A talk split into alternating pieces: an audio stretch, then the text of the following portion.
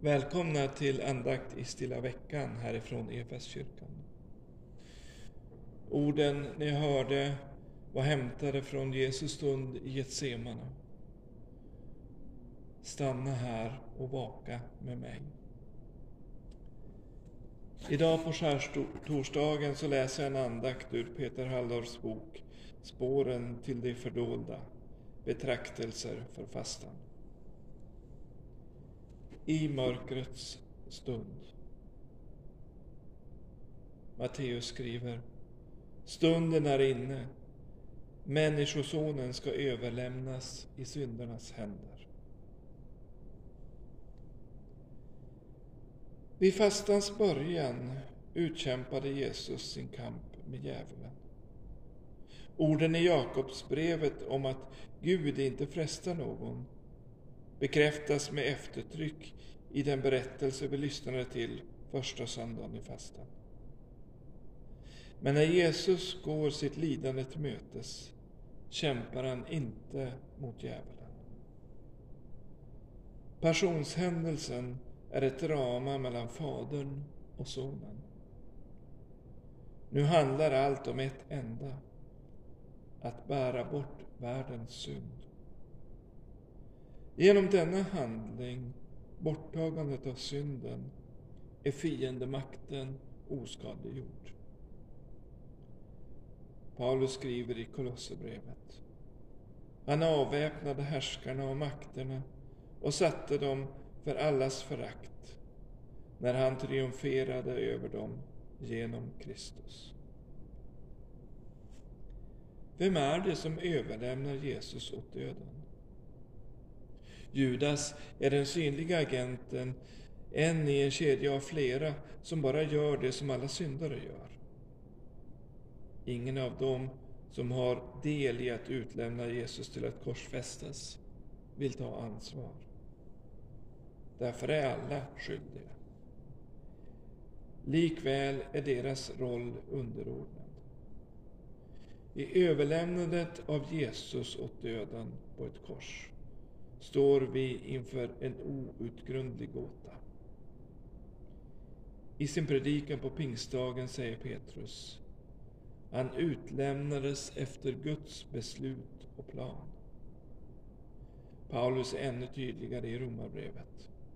Gud utlämnade honom för att hjälpa oss alla. Faderns överlämnande av sin son åt döden på korset bekräftas i sonens förtvivlade rop ur den 22 salmen. Min Gud, min Gud, varför har du övergivit mig? Men när detta skri i nästa ögonblick följs av sonens överlämnande av sig själv åt Fadern. I dina händer lämnar jag min ande. Anar vi ett än mer ogenomträngligt mysterium. Den som låter Jesus överlämnas åt döden är också den i vars händer han överlämnar sig i själva dödsögonblicket. När alla onda makter riktar sig mot Jesus på korsfästelsens dag, då vänder Jesus sitt ansikte mot Fadern och lämnar sitt liv i hans händer. Här får vi vägledning i vår kamp. Kämpa inte mot ondskan. Om det onda angriper dig från ett håll, vänd dig i den andra riktningen, mot Fadern. Överlämna dig i hans händer. I ljuset från hans sons ansikte har mörkret ingen makt. Vi ber. Gode Fader, du ensam känner mitt hjärta och min själ.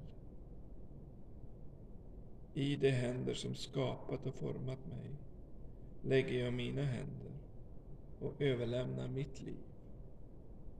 Amen. Vi ber Herrens bön.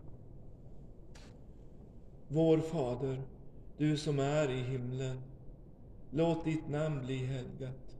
Låt ditt rike komma. Låt din vilja ske på jorden så som i himlen.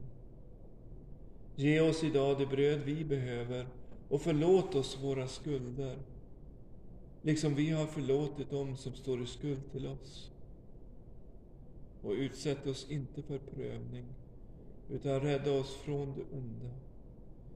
Ditt är riket, din är makten och äran i evighet.